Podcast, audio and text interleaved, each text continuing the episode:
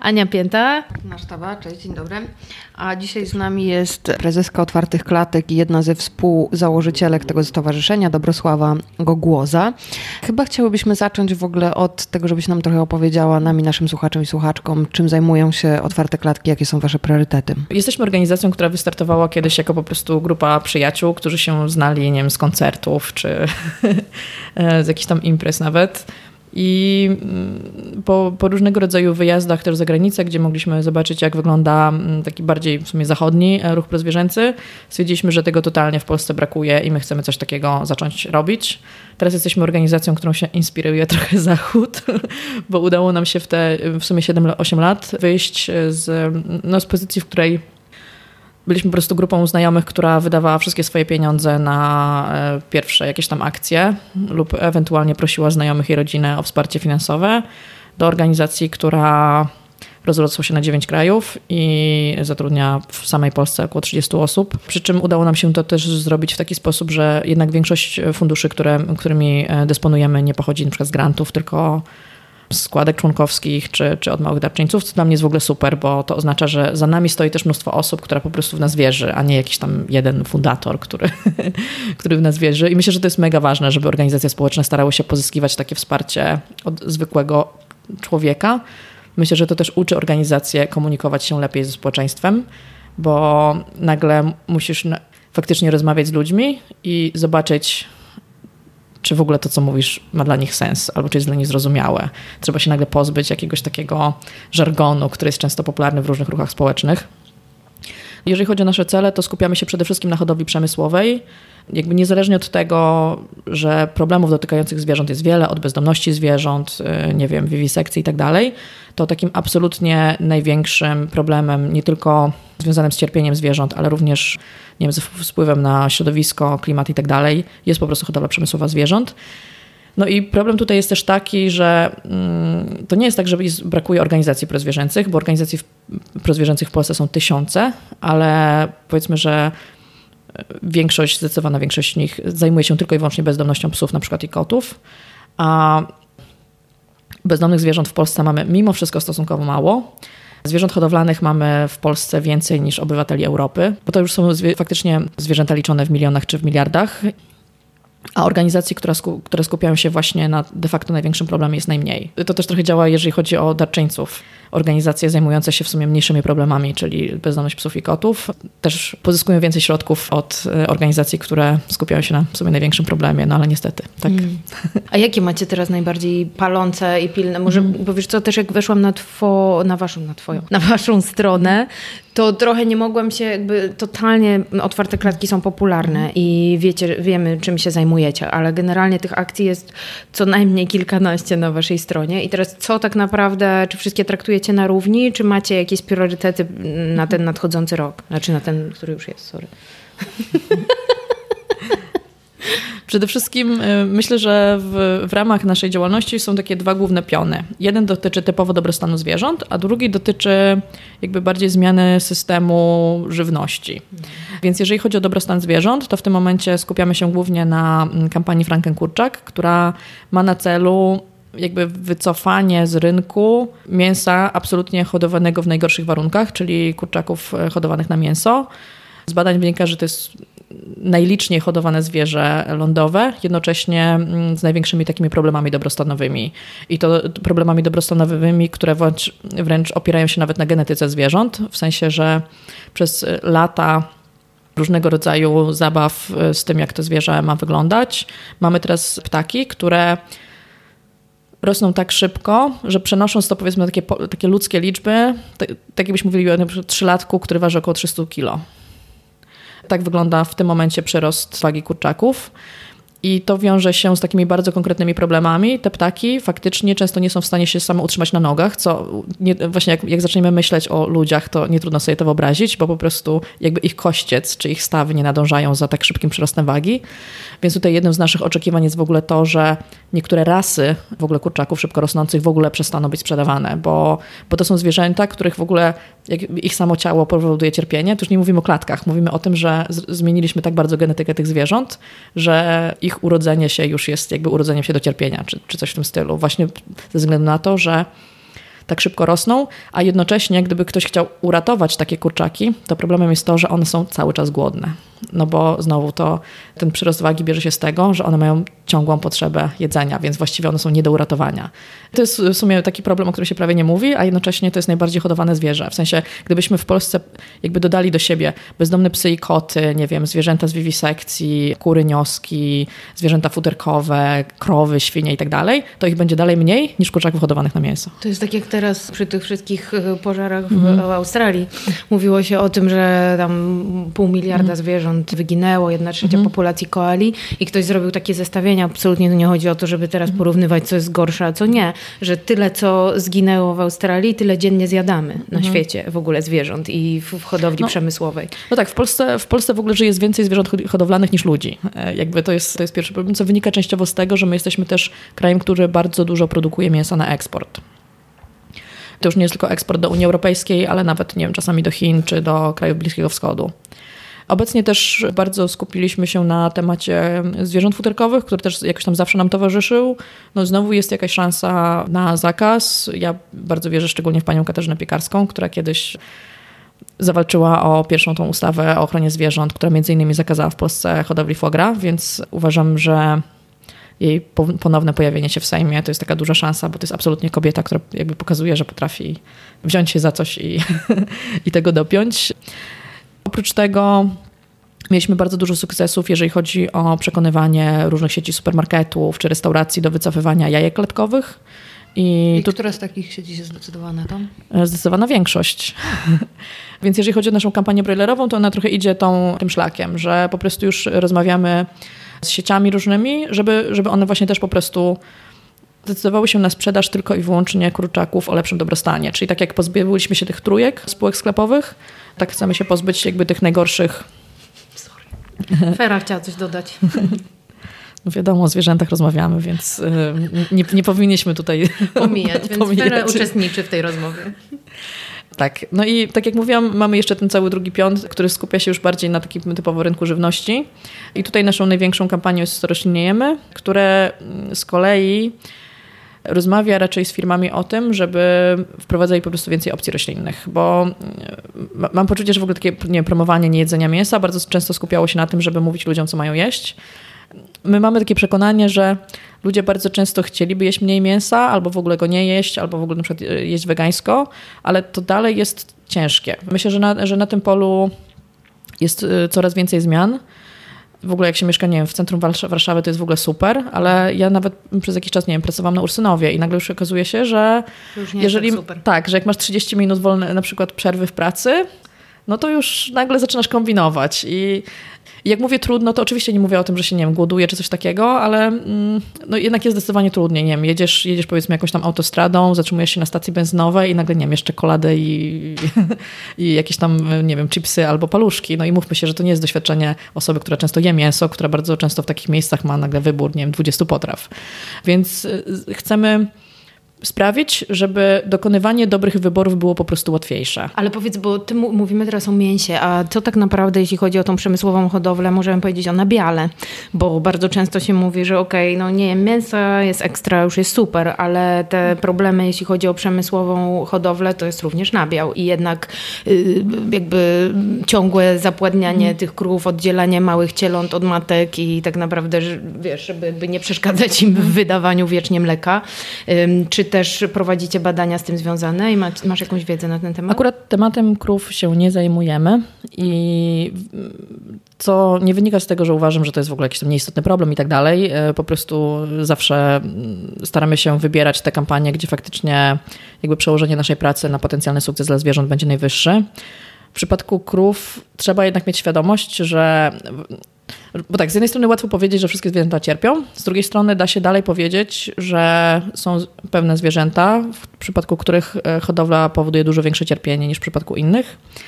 I z, tak, z tego rodzaju analiz wynika, że powiedzmy takimi najmniej cierpiącymi zwierzętami w ogóle w hodowli przemysłowej są krowy hodowane na mięso. Dlatego, że bardzo często jest to w ogóle hodowla wolnowybiegowa, no bo jednak to mięso to mięśnie, czyli żeby że powstała wołowina, to krowa musi się ruszać.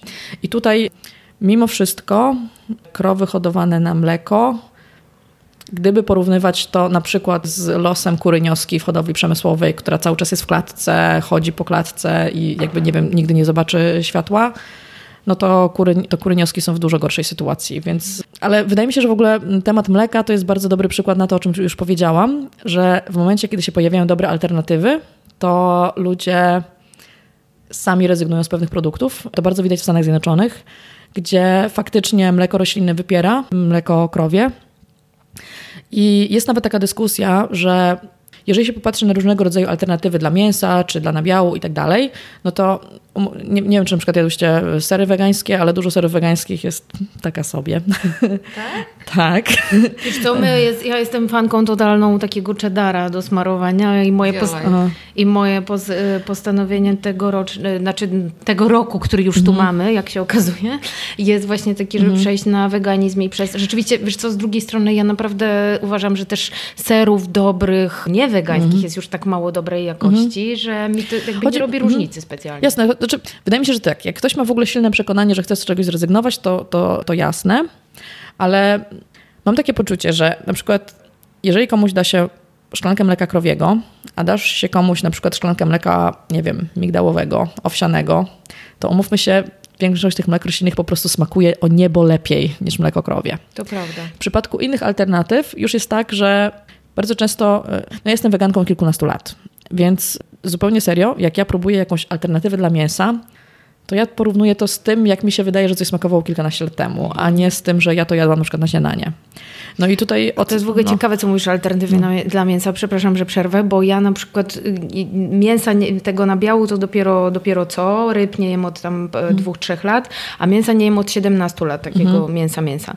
I teraz jakby nigdy nie poszukiwałam alternatyw hmm. do tego mięsa. Ostatnio zjadłam jakiś, jakąś wegańską kiełbaskę i myślałam naprawdę, że się zżygam. Przepraszam, bo po prostu to było obrzydliwe i przypomin- jakby śmierdziało mięsem rzeczywiście. W sensie, że jakby szukanie tych alternatyw, ja rozumiem, mhm. to, bo to wydaje mi się, że te alternatywy mięsne, bezmięsne i tak dalej, to jest bardziej dla ludzi, którzy właśnie mhm. kochają mięso i uważają, że pochodzą od po prostu myśliwych i muszą ciągle to mięso jeść. W związku z czym wymyśla się im takie alternatywy i absolutnie mhm. super, mhm. bo powinni mieć, ale jako wegetarianka y, wieloletnia w ogóle nie mam takiego, nie mam potrzeby i nawet nie pamiętam, jak to mięso smakowało mhm. i dla mnie coś, co udaje mięso aż za dobrze, po prostu śmierdzi i to odrzucam. Dla mnie jest y, większym problemem w tych alternatywach roślinnych mhm. cena cały czas. To znaczy, wiesz, jakby ser od krowy mhm. biednej i tak dalej, która jakby zużyła i dużo wody i tak dalej, żeby ją wyhodować, kosztu, może kosztować 5 zł, a ten ser z rośliny, w ogóle mhm. to, że roślinne rzeczy są droższe niż te, które kosztowały i środowisko i, biedne życie danego zwierzęcia jest tańsze niż to, co pochodzi od rośliny, czyli tak naprawdę powinno być dużo łatwiejsze w, wiesz, jakby w pozyskaniu, nie, nie ciągnie za sobą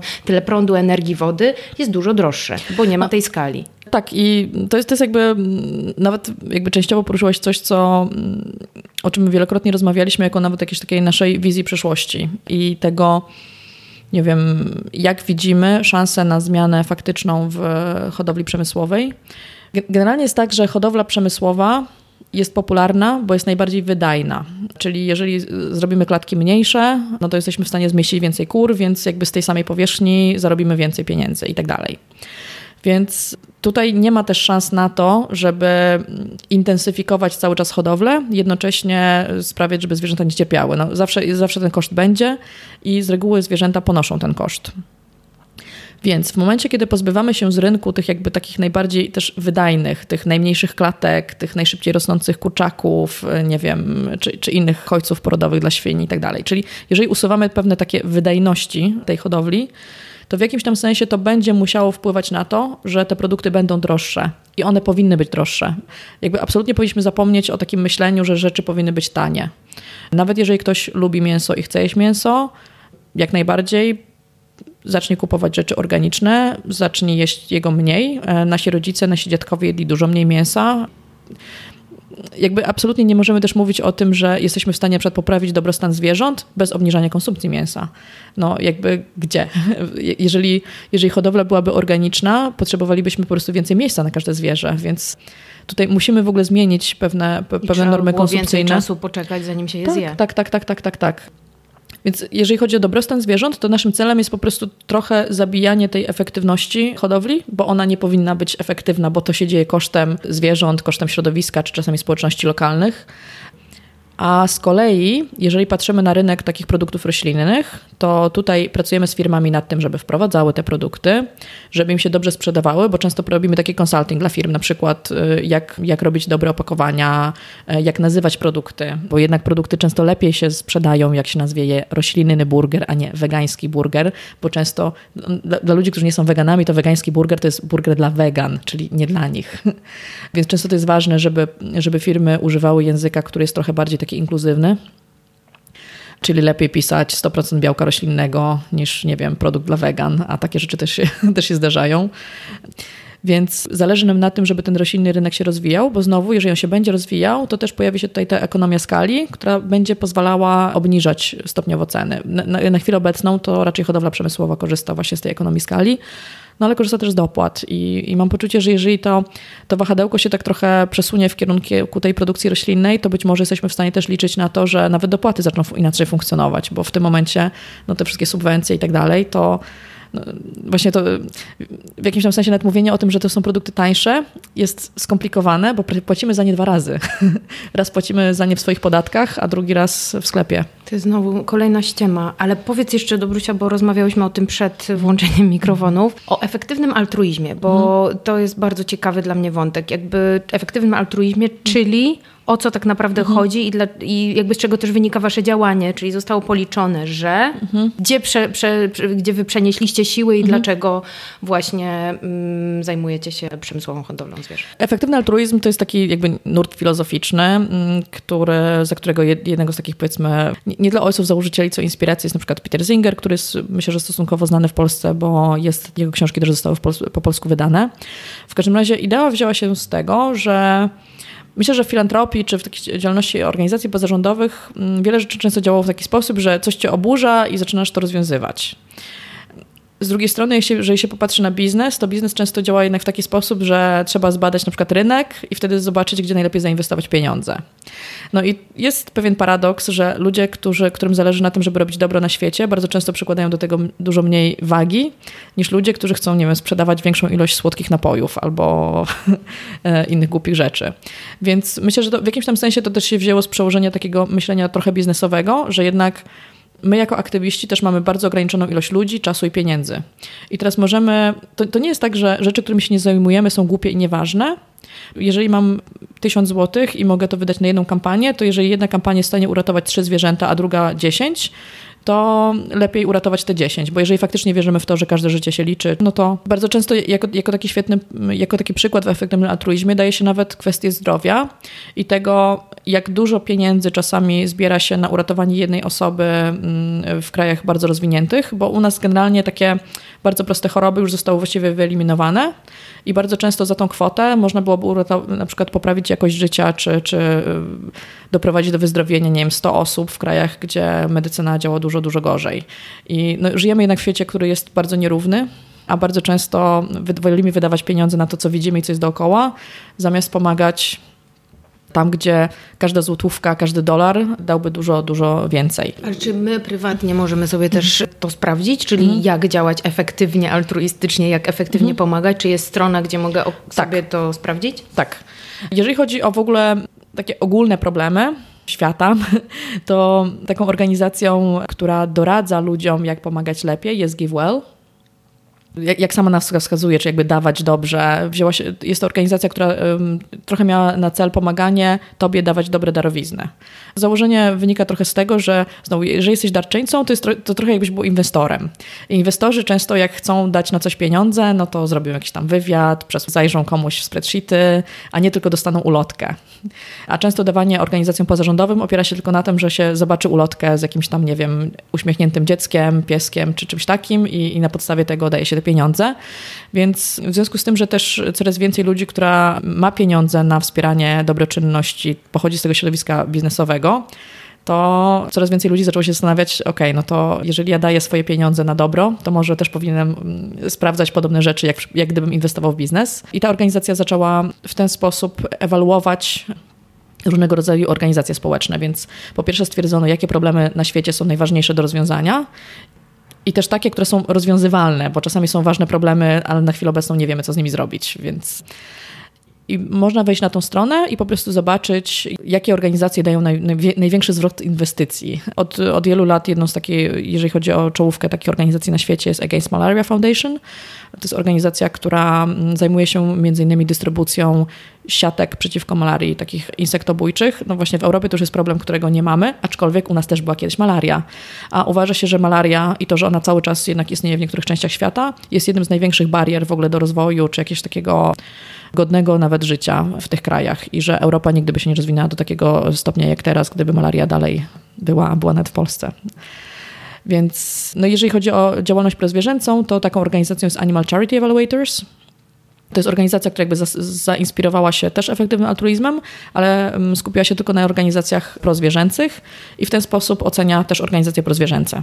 A propos tych akcji, które dzisiaj prowadzicie, mówiłaś o Franken Kurczaku, tych akcji jest więcej, mm, ale jakie macie plany, jak można was wesprzeć i jak do was dołączyć, ale też gdybyście mogli powiedzieć o tej, o tej nagrodzie, którą ostatnio dostaliście, Animal Charity Evaluators, z czym to się wiąże? Okay, więc Animal Charity Evaluators, tak jak mówiłam, to jest po prostu organizacja, która ocenia inne organizacje.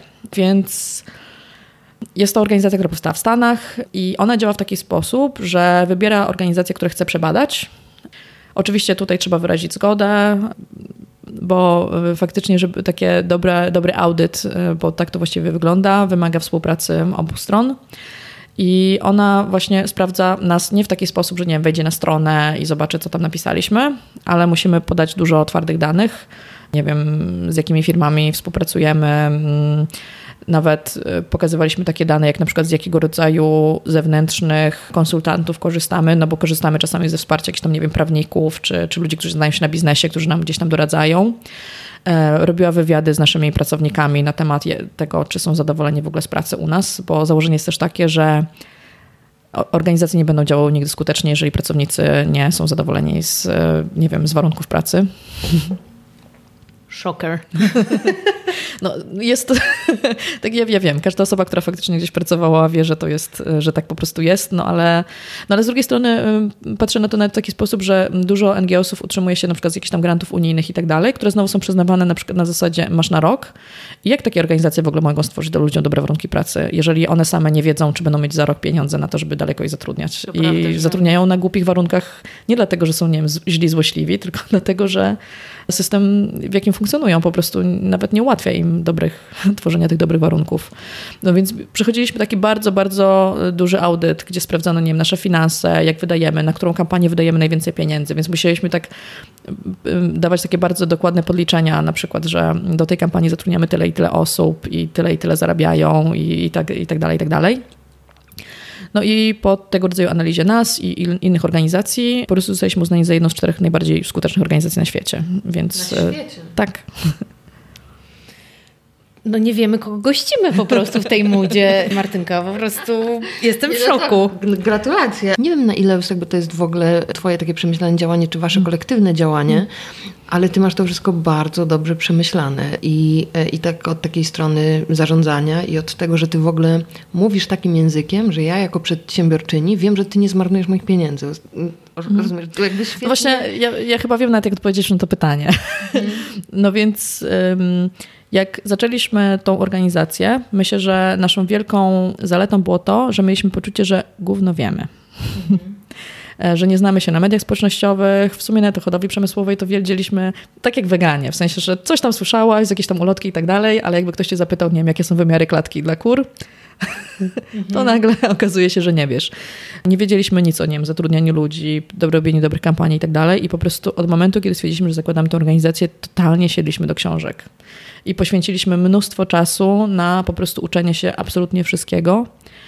Co więcej, ja jako prezeska myślę, że bardzo jest mnóstwo takich popularnych książek na temat hodowli zwierząt, czy jakiegoś tam weganizmu i tak dalej, których ja nie czytałam, bo ja przez tych 8 lat czytałam głównie książki na temat tego, jak dobrze zarządzać grupą, albo e, właśnie jak prowadzić kampanię, jak się komunikować. I mam poczucie, że ludzie czasami właśnie, że łatwo, jeżeli się wierzy w jakąś tam kwestię, po prostu cały czas się mm, trochę oczytywać w tej bańce Potwierdzać sobie tak, to, tak, co tak. wie w zasadzie.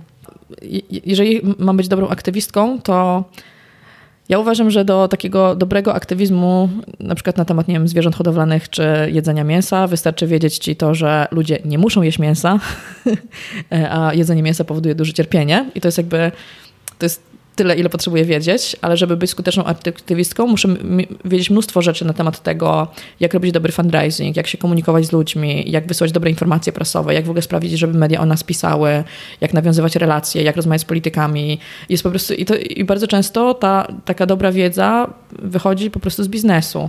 Bo, bo tak jak mówiłam, to, to są dla mnie, mi to tak łamie serce, można powiedzieć, że w biznesie, który bardzo często zajmuje się naprawdę rzeczami, które po prostu no, niszczą świat, jest dużo większe przywiązanie do e, bycia takim merytorycznym, osiągania celów i tak. A często, no, no, właśnie, w rozwiązywaniu świata bardzo dużo się mówi o tym, e, nie wiem, o swoich uczuciach, trochę tak na takiej zasadzie, że bez, bez myślenia o takich konkretach, co się, do, co się da osiągnąć, jak to osiągnąć, z kim najlepiej porozmawiać i tak dalej. Uderzyłaś, e, Dobrusia, w bardzo ważny aspekt i to jest coś, co mnie męczy już od dłuższego czasu, w sensie jak łączyć ludzi, którzy są nastawieni bardzo na rozwiązania, myślą biznesowo i to nie jest nic złego, mówię mm. do mhm. aktywistów, i tych, którzy myślą emocjonalnie, jakby się buntują i ich to wkurza i mówię teraz do mm. przedsiębiorców. W sensie jakby to, co ty mówisz jest dla mnie takim właśnie bardzo, bardzo inkluzywną narracją, która właśnie nikogo nie wyklucza i to jest super i to, że otwarte klatki są na wielu poziomach, zgadzam się z Martyną, że to jest jakiś fenomen, że działają na wielu poziomach. Działacie na poziomie legislacyjnym, działacie, robicie jakby, y, a propos tam tych kurzych ferm, bardzo ważne akcje, mhm. protestujecie wszędzie, jesteście i w modzie, bo antyfutra, i w jedzeniu, bo właśnie rośliny. I jakby totalnie ludzie mają do was zaufanie i ten, ten, ten, ten, ten, to logo otwartych klatek jest naprawdę bardzo rozpoznawalne. Mało tego, żebym już niczego nie pomyliła, ale jesteście częścią Anima International, czyli działacie w Polsce, Wielkiej Brytanii, Rosji, Estonii, Danii, na Litwie, Ukrainie i Białorusi. I po prostu, no stara, no to jest jakiś dla mnie osobiście no i... jesteście jakby odkryciem tego roku, które jak wiemy już się, znaczy nie odkryciem, no bo wiem o waszym mhm, istnieniu, Jasne. ale jak się wczytałam więcej to, co robicie, jak teraz z tobą rozmawiamy, no jest to naprawdę no niesamowite. myślę, że udaje nam się też dużo zrobić, bo tak naprawdę ufamy naszym ludziom. Absolutnie robilibyśmy mniej, gdybym, gdybym ja, jako nie wiem, prezeska, po prostu sprawdzała każdą informację prasową, sprawdzała, nie wiem, posty przed wysłaniem, a takie rzeczy się dzieją w organizacjach czasami, gdzie, gdzie po prostu faktycznie gdzieś tam osoby na górze kontrolują właściwie każdy krok, biorą udział we wszystkich dyskusjach i tak dalej. No, jak my zatrudniamy, albo nawet jak przycie... u, nas, u nas jest tak, że jak chcesz zostać wolontariuszem, to też możemy ci w pewnym momencie podziękować, jeżeli nie robisz wystarczająco dużo, bo chcemy mieć naprawdę silny team. Uważamy, że bardzo często osoby, które na przykład mało robią albo generalnie wpływają jakieś tam toksycznie na grupę, bardzo często więcej przynoszą szkody niż pożytku, więc zależy nam na tym, żeby i na poziomie wolontariatu, i na poziomie takiego zespołu pracowniczego mieć ludzi, którzy czują się dobrze w tym zespole, ale którzy mają też pełne nasze zaufanie. Co czasami oznacza, że jeżeli komuś nie mogę zaufać, to po prostu ta osoba, to nie jest tak, że ją będę bardziej kontrolować, ona po prostu nie może zostać z nami. Mówię też o takim zaufaniu, że na przykład ktoś coś zrobi dobrze e, i ja nie muszę na to patrzeć.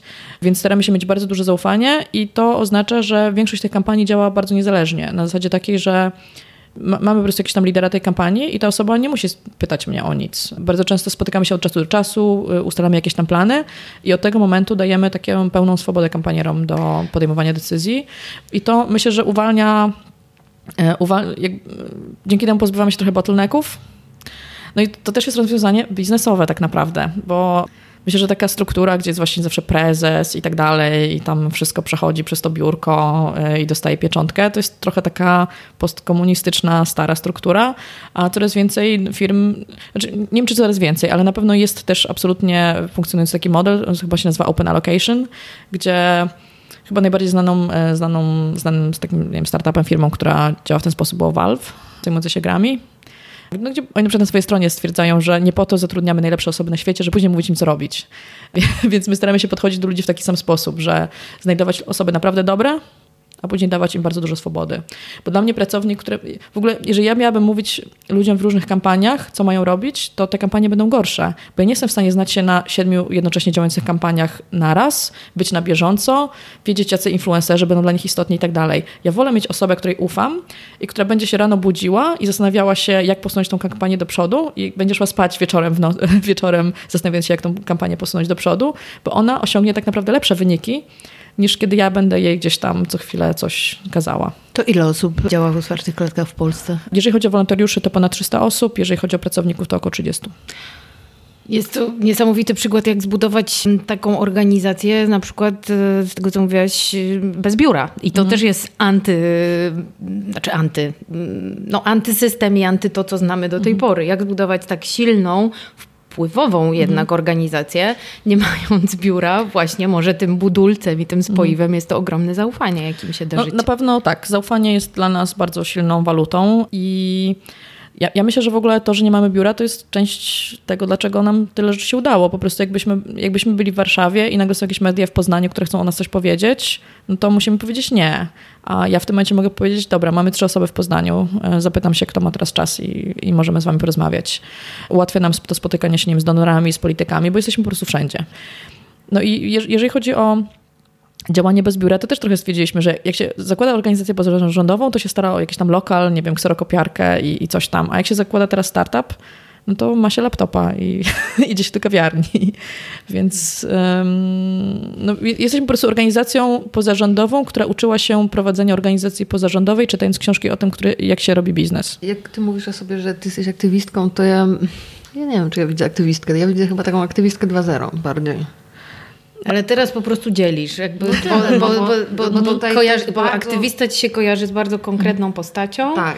więc e, mhm. Dobrucia myśląc bardziej przedsiębiorczo nie tak. może być aktywistką. Nie, nie, może być aktywistką, ale jakby dla mnie to jest w ogóle aktywizm 2.0. To jest tak, jak rozmawiamy z o innych rzeczach, to jakby nie jest klasyczny aktywizm moim zdaniem, bo tutaj jest w ogóle mhm. dużo, jakby, jakby sama mówisz, mhm. że jakby uczyłaś się na książkach biznesowych. No, mhm. Która inna organizacja, jakby, która zajmuje się aktywizmem, mówi, że przeczytała wszystkie książki o zarządzaniu, o budowie organizacji. No mało jest takich takich moim mhm. zdaniem dzisiaj. Ale z drugiej strony ja patrzę na to też w taki sposób, że na przykład, nie wiem, miał się tutaj rozmowy z Elą Madej. Moim zdaniem Ela Madej też jest aktywistką. Tylko ona jakby ma kompletnie mhm. odwrotną drogę, chyba że ty też po mhm. prostu jakby najpierw pracowałaś dla biznesu. Pracowałaś nie, nie, nie, nie, nie, nie, nie pracowałam dla biznesu, pracowałam w organizacji pozarządowej i w ogóle w szkole publicznej. A to jest myślę, słuchajcie, znowu kwestia języka, bo na przykład jak ja bym miała dzisiaj powiedzieć, co najwięcej zajmuje czasu w moim życiu, no to pewnie jest to swojego rodzaju aktywizm, ale z drugiej strony jak mówię o sobie czasem, żeby uprościć już komuś, że jestem aktywistką, to czuję jakiś zgrzyt, mhm. bo bardziej dlatego, że uważam, że nie angażuję się na tyle, na, na ile tacy słownikowi aktywiści by mhm. się angażowali, bo się nie przy, bo nie blokuję mhm. drogi, bo się nie przypinam do drzewa, tak? Jakby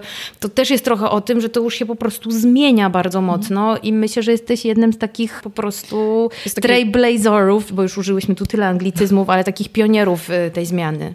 Jest taki żart w ogóle w środowisku aktywistycznym, trochę ekologicznym, e, gdzie na jakimś tam wiecu e, osoba pyta się ludzi tam zgromadzonych, czy bylibyście w stanie oddać życie dla Matki Ziemi. I wszyscy krzyczą, że tak. Później, czy bylibyście w stanie pójść do więzienia dla Matki Ziemi. Też wszyscy mówią tak. A później pyta się, a czy bylibyście w stanie ściąć włosy dla Matki Ziemi. Jest cisza. Ja mam poczucie, że Trochę tak jest, że czasami najbardziej odważną rzeczą, jaką można zrobić na to, żeby coś zmienić, to nie wiem, umieć ubrać szpilki, e, ubrać garnitur i na przykład pójść rozmawiać z kimś, kogo się uważało do, za swojego wroga, czyli nie wiem, politykiem partii, z którą się nie zgadzasz, albo szefem jakiejś wielkiej firmy. Ostatnio przeczytałam taką ładny, taki ładny cytat, że jeżeli chcecie coś zmienić, to rozmawiajcie ze swoimi wrogami, a nie z przyjaciółmi. Totalnie, totalnie się zgadzam. Stop preaching for the same religion po prostu. Mam jeszcze taką jedną kwestię, bo na przykład te lobby, które mm, finansuje e, przemysł hodowli zwierząt, no ma jakby dużo więcej pieniędzy e, mhm. od was oczywiście. I zastanawiam się, czy wy macie z nimi jakieś relacje, czy wy jakby też staracie się wpływać e, na różne decyzje poprzez takich pośredników? Jeżeli chodzi o polityków, to faktycznie prowadzimy jakieś tam rozmowy z politykami, ale staramy się raczej mieć ten kontakt bezpośredni. Mm, mamy poczucie, że osoby, które często są takimi nie wiem, zawodowymi lobbystami są często śliskie w jakiś tam sposób. W sensie, jak, jak, dla kogoś to już jest zawód, to wydaje mi się, że ta osoba może tak jakby technicznie być dobra, ale nie wiem, czy na przykład budzi większe zaufanie niż faktycznie znająca się na temacie osoba, która po prostu w coś faktycznie wierzy. Mhm. Więc nie korzystamy z usług takich lobbystów, tylko, tylko jeżeli coś, to e, spotykamy się z politykami sami E, I mamy kilka osób w organizacji, która gdzieś tam się e, tym zajmuje, ale bardzo często też nie wiem, to może, to, to może zabrzmieć tak górnolotnie, ale mam poczucie, że przemysł ma pieniądze, ale my mamy prawdę. W takim mhm. sensie, że my możemy się posługiwać jednak takim narzędziem jak zabranie kogoś i pokazanie mu, jak ferma wygląda, choćby przez płot. I jakby to, to naprawdę zmienia później yy, jakąś tam rozmowę, więc dlatego też nam bardzo zależy na wiarygodności i staramy się utrzymywać naprawdę wysokie standardy, nie wiem, transparentności, łącznie z tym, że opublikowaliśmy nasze pensje na stronie internetowej, można sobie totalnie sprawdzić, co uważam, że też w ogóle więcej firm powinno robić. Nasz zespół jest z tego generalnie zadowolony. U nas też się pensji absolutnie nie negocjuje. A są, są, też badania, które wykazały, że transparentność pensji jest najlepszym narzędziem do pozbycia się gender gap w płacach. I ja nawet jako prezeska sama to widzę. Dziewczyny nie negocjują pensji, e, faceci tak. Mm. A jest więcej dziewczyn? Jak jest equality tutaj? E, w ruchu prozwierzęcym i w ogóle w organizacjach pozarządowych, może z wyjątkiem, nie wiem, Marszu Niepodległości, e, jednak jest zawsze więcej kobiet. No dobrze, ja zostawiam to bez komentarza, ale w takim razie chciałabym jeszcze Cię, Dobrusia, zapytać, jak można was, Wam pomóc, jak Was wesprzeć, czy być może jakoś do Was dołączyć? Być może są osoby, jakich aktualnie szukacie. Można zostać wolontariuszem w organizacji organizacji i do tego zachęcam szczególnie, jeżeli ktoś ma jakieś konkretne umiejętności, bo ja, ja mam wrażenie, że ludzie często mają takie poczucie, że wolontariusze to po prostu rozdają tylko ulotki i tyle. I pewnie w wielu organizacjach tak jest. My przez to, że sami wystartowaliśmy jako... Ja byłam wolontariuszką w mojej własnej organizacji przez 5 lat, zanim zaczęłam tam pracować, po prostu nie mieliśmy pieniędzy na zatrudnianie ludzi. Więc u nas osoby będące wolontariuszami zajmują się na przykład, nie wiem, mm, prowadzeniem spraw w sądzie, oznęcanie się nad zwierzętami, robią strony internetowe, mm, prowadzą nasze media społecznościowe, czy budują czasami strategię kampanii. Więc dużo naszych wolontariuszy to są naprawdę wysoko wykwalifikowani specjaliści którzy bardzo często chcą pracować tam, gdzie pracują, bo nie wiem, zarabiają tam dobre pieniądze i się spełniają, ale jednocześnie jest dla nich e, jakąś tam frajdą używanie swoich umiejętności czy doświadczenia w czynieniu dobra. Jeżeli ktoś, nie wiem, ma mniej czasu, to zawsze darowizny są e, dobre, w takim sensie, że myślę, myślę że warto też pamiętać o tym, że są, jakby, że są rzeczy, które da się zrobić przy małej ilości pieniędzy i dużej ilości ludzi, ale są też rzeczy, które da się zrobić z małą ilością ludzi i z dużą ilością pieniędzy, więc e, dawanie pieniędzy organizacjom jest jak najbardziej fajne, nie wiem, i nawet są badania, które wykazały, że dawanie pieniędzy na cel, w który się wierzy, daje ludziom większą, większy wzrost szczęścia niż dostanie podwyżki o tej samej kwocie. Można też nas jak najbardziej wspierać, wspierać darowiznami. Jeżeli ktoś też jest, jeżeli ktoś jest na przykład specjalistą w jakiejś dziedzinie, a no, tak stety, niestety problemów związanych, związanych ze zwierzętami jest tak dużo, że właściwie w wszystkich dziedzinach są przydatni, przy, przydatne jakieś tam porady, to zaczynamy teraz też pracować nad zbudowaniem takiej e, jakby rady ludzi, którzy nie wiem jak dobrze przetłumaczyć teraz advisory board przy otwartych klatkach, czyli zbudowanie takiego zespołu specjalistów, którzy E, być może nie są wolontariuszami na zasadzie takiej, że przychodzą na jakieś tam spotkania co tydzień, ale są gotowi w ramach swojej, swojego obszaru ekspertyzy mm, na przykład powiedzieć nam, jak posunąć coś do przodu, bo na przykład, nie wiem, ktoś wie, jak zmienia się ustawy w Polsce, bo jest prawnikiem, który na przykład pracował przy, przy takich rzeczach, więc e, też, Czyli też na przykład najbardziej... szukacie prawnika, prawniczki, który mógłby w tym pomóc. Katia, to high profile ludzi. Tak. Mhm. Tak, tak, tak. Czyli osoby, które chcą pracować nad zmianą świata i naprawdę są naprawdę dobre w tym, co robią. I, i bardzo często, tak jak, tak jak mówię, na przykład dużo rzeczy, w których czasami, e, czasami używamy nawet konsultacji z innymi, to są rzeczy związane z tym, jak działa organizacja. Na przykład kiedyś dostałam od kolegi kontakt do osoby, która, nie wiem, jest super HR-owcem z wielkim doświadczeniem. E, I w tym momencie, no, my kiedy w pewnym, dopiero dwa lata temu zaczęliśmy właściwie zatrudniać ludzi na serio, no, to, więc to jest też coś takiego, czego musieliśmy się właściwie uczyć od zera. Jak w ogóle przeprowadzić sensowną rekrutację, żeby faktycznie e, gdzieś tam, gdzieś tam to miało ręce i nogi, więc bardzo często przydają nam się, przydaje nam się wsparcie merytoryczne właściwie ze wszystkich obszarów, jakie są możliwe i um, nie zdarzyło mi się jeszcze, żeby ktoś mi powiedział, że się na tym na czymś super zna i bym powiedziała, hm, nigdy nam się to nie przyda. Czy widziałaś film Zjadanie zwierząt? Nie. Mm. Ale będzie premiera. tak, znaczy nie, bo to jest film, który będzie w ramach cyklu Planeta B nie istnieje, który jest w kinie Luna, który robi Dog Against Gravity i wiem, że chcą cię też do tego zaprosić. Ja będę chyba to prowadzić, więc, więc tym obiecałam, że też wspomnimy tutaj na antenie Mudy o tym, a że to się bardzo dobrze wiąże po prostu z tym, o czym mówisz, bo to jest o przemysłowej hodowli właśnie zwierząt. To jakby taka ode mnie tutaj e, inspiracja a, a propos e, naszej rozmowy. No pressure. To, tak, zero, zero presji w ogóle, tak. Zaraz już tu napiszę po prostu, że się zgodziłaś. To będzie 4 lutego w kinie Luna. Od razu już zapraszam, bo to się na pewno odbędzie, niezależnie od tego, czy będę tam ja, czy mm, Dobrusia. Ale w takim razie chciałybyśmy cię zapytać jeszcze o Twoje inspiracje, o to, co byś polecała, żeby, żeby się jednak gdzieś tam jakoś bardziej z tematem zapoznać książkowo, filmowo, może jeszcze inaczej. No, na, na pewno filmem, który ostatnio robi dużą furorę jest Game Changers, które jest na Netflixie. Jest on dla mnie o tyle ciekawy, że my wcześniej wystartowaliśmy już z kampanią Jasna Strona Mocy, która też trochę promowała jedzenie mniej mięsa, czy, czy w ogóle nie jedzenie mięsa przez sport, bo mam poczucie, że taki sport na wysokim poziomie trochę zamyka wiele rodzajów dyskusji, typu będę słaby, jak nie będę jadł mięsa i wtedy mamy jakichś tam super sportowców, którzy są, nie wiem, siłaczami, kulturystami i nie jedzą mięsa i wtedy, no come on, jakby nie można tego dalej ciągnąć i ten film się naprawdę dobrze ogląda. Mm. Jeżeli chodzi o książki wydane w Polsce szczególnie, to jedną z moich ulubionych pozycji jest Zjadanie zwierząt. Myślę, że ona jest o tyle fajna, że jest napisana przez osobę, która naprawdę potrafi pisać, czyli nagle nie właśnie aktywistę, który stwierdził, że napisze książkę, tylko przez pisarza. Nie, nie, Zjadanie zwierząt jest... mm, A, to, a jeżeli nie Polska, to jest Foer, ale... Tak, Fojera. E, tak, Fojera. E, cho- Chodzi mi o to, że on jest po prostu pisarzem, więc nagle jak wziął się za ten temat jedzenia zwierząt, to ta książka w ogóle jakby, mam wrażenie, nawet tak językowo już jest na takim trochę innym poziomie. Że jestem z, z wykształcenia, jestem po filologii i zajmowałam się jakimś tam literaturoznawstwem i tak dalej, więc e, trochę na to zwracam uwagę. Bardzo lubię też Zoopolis.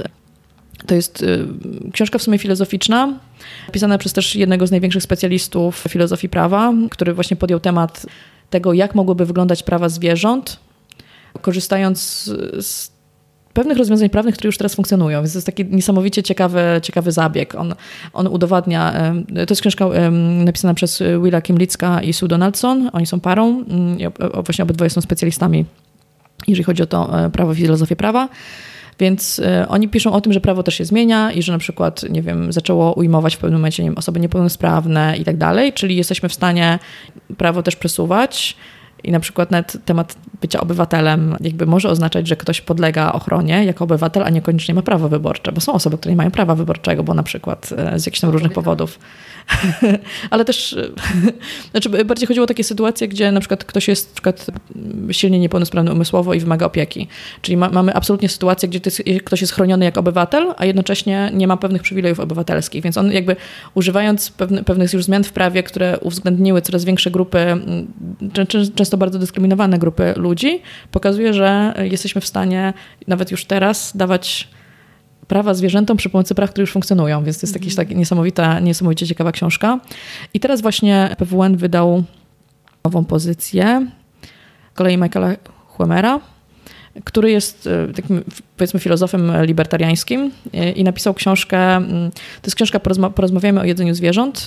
Jest to taki e, dialog na temat, e, poruszający bardzo różne tematy dotyczące właśnie e, tego, nie wiem, czy warto jeść zwierzęta, dlaczego ich nie jemy, dlaczego na przykład, y, czy ludzie mogą jeść zwierzęta, skoro zwierzęta jedzą zwierzęta y, i tak dalej, i tak dalej. Jest bardzo przystępny, niezbyt długi, więc y, no i właśnie się ukazał, więc jest taka świeżynka, można zajrzeć. No dobra, nie zdążymy już pogadać o bogatych ludziach, którzy pomagają po prostu ratować planetę, ale są takowi, bo to wcześniej Dobrusia nam powiedziała już. A możesz tylko w skrócie powiedzieć, może najwyżej to przesuniesz o Asanie i tak dalej? Bo to jest fajne, to jest fajny wątek. Tak, to jest fajny wątek.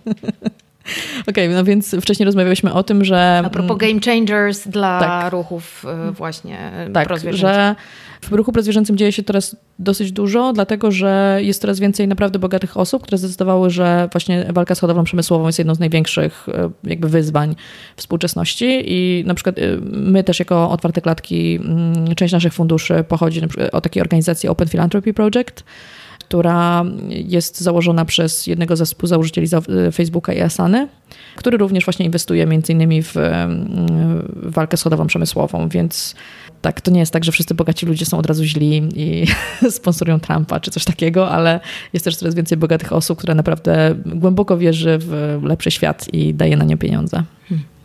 To tak, żeby pozytywnie y, zakończyć. I to ja zadałam to pytanie, chociaż jestem w tym duecie totalną antykapitalistką. Więc y, nie wiem, co do Brusia, no bardzo jesteś budu, bo to, co mówisz, jest bardzo budujące dla mnie i bardzo pozytywne i to, że mówisz... Budzące zaufanie Tak. Też. I to, że mówisz inkluzywnym językiem i to, żeby, że, że jednak otwarte klatki mają taki power, a jednocześnie wcale nie są zbudowane tak, jak tradycyjnie trzeba było budować firmy czy organizacje i że korzystają z różnych narzędzi w tak e, płynny i, i niezwykły, harmonijny sposób.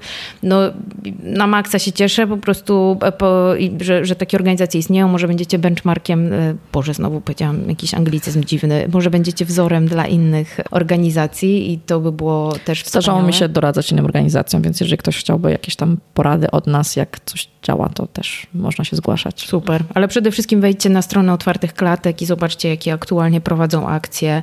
Dołączcie się jako wolontariusze albo zgłoście się może do pracy, może akurat się uda. Bardzo dziękujemy. Dziękujemy. Też dziękuję.